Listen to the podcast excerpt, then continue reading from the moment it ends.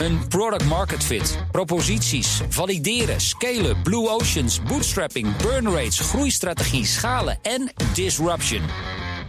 Zijn dit nou termen waar jij iets mee hebt? Dan zou ik zeker luisteren naar het groeiprogramma van de Nederlandse radio. Baanbrekende businessmodellen.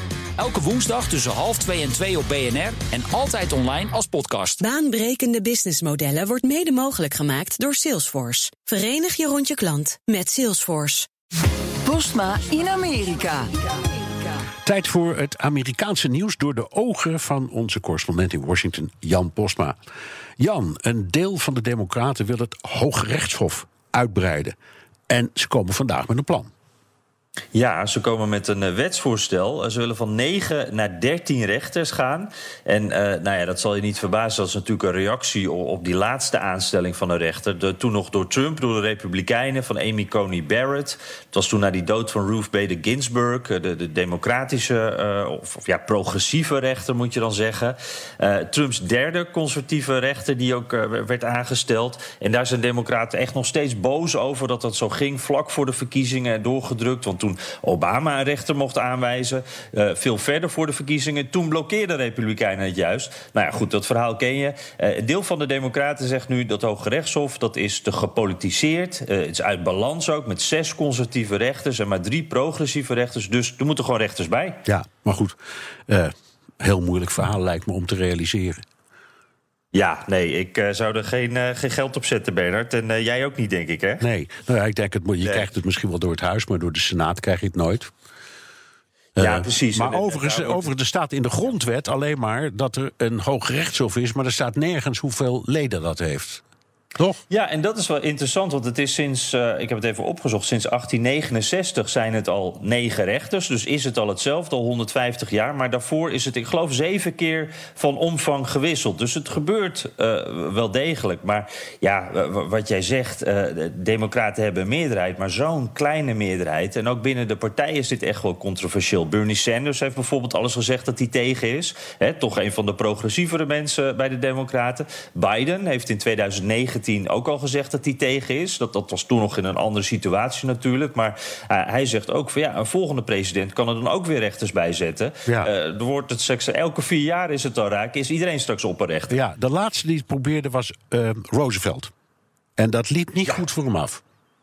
Nee, uh, FDR die, die, die zag hoe het uh, Hoge Rechtshof onderdelen van zijn New Deal-plannen afkeurde. Ja, die, die plannen die Amerika uit de Great Depression moesten halen. En dat was, ja, daar was hij niet blij mee natuurlijk, was hij boos over. En hij stelde toe voor, laten we er 15 rechters van maken. Want zoals nu gaat, werkt het niet. The court has been acting not as a judicial body, but as a policy-making body. We have therefore reached the point as a nation where we must take action to save the Constitution from the court and the court from itself. Ja, en uh, hij had gelijk grote tegenstand uh, ertegen, ook in zijn eigen partij. Uh, die gingen er echt campagne tegen voeren, tegen hem ook. Dus dat ging niet door. En dat werd uiteindelijk nou, een grote politieke nederlaag. Misschien wel de grootste voor FDR. en ja, ik, ik, zie ook wel bij Biden dat er dus ook in zijn eigen partij tegenstand zal zijn. En hij, zal, hij vergelijkt zich graag met FDR, maar dit wil hij natuurlijk niet. Nee, nee. Hij, sterker nog, hij zit de hele dag naar FDR te kijken. Want dat schilderij hangt terecht voor zijn neus. Hè? Ja. Precies, goed ja. voorbeeld. Hey, even iets anders, Jan. De voormalige Republikeinse leider van het Huis van Afgevaardigden, John Boehner, heeft een boek geschreven en hij houdt zich daarin niet in. Nee, bepaald niet. De, de voorganger van Pelosi. Hè, en hij is heel gefrustreerd. Hij, hij stapte er eigenlijk uh, uit omdat hij gewoon klaar was met die hele Tea Party-beweging. Met, met, de voorlopers van de Trump-achtigen, uh, zeg ik maar even. En dat laat hij duidelijk merken in zijn boek. Hij is bijvoorbeeld echt snoeihard over Ted Cruz, hè, de senator uit Texas. En hoe groot zijn frustratie echt is, hoor je in het audioboek. Die, die, heeft Boehner namelijk zelf ingesproken. Dat ging met heel veel glazen wijn. Hij staat ook op de cover van het boek met een glas wijn. Uh, in de originele opnames, voordat er dus in geknipt is, niet de uiteindelijke versie, heeft Boehner ook nog verschillende keren een boodschap voor Ted Cruz. En ja, dit nette conservatieve lid van de Washingtonse establishment laat dan uh, na mooie overpeinzing over vrijheid horen wat hij nou echt van Cruz vindt. En de boodschap is duidelijk. Take it from me. You'll never know where you'll end up. That's freedom. I'll raise a glass to that any day. P.S. Ted Cruz. Go fuck yourself. Ja, nou, ik ben zo benieuwd naar de rest, Bernard. En ik denk ook, het is maar goed dat wij die Amerika-podcast met koffie opnemen. En niet Ja. met rode wijn zoals John Beers. Oké, dankjewel. Jan Posma, correspondent in Washington. Wilt u meer horen over dat fascinerende land? Luister dan naar de Amerika-podcast van Jan en mij. Hij had het er al over. Staat sinds gisteren weer een nieuwe versie online. Een product market fit, proposities, valideren, scalen, blue oceans, bootstrapping, burn rates, groeistrategie, schalen en disruption.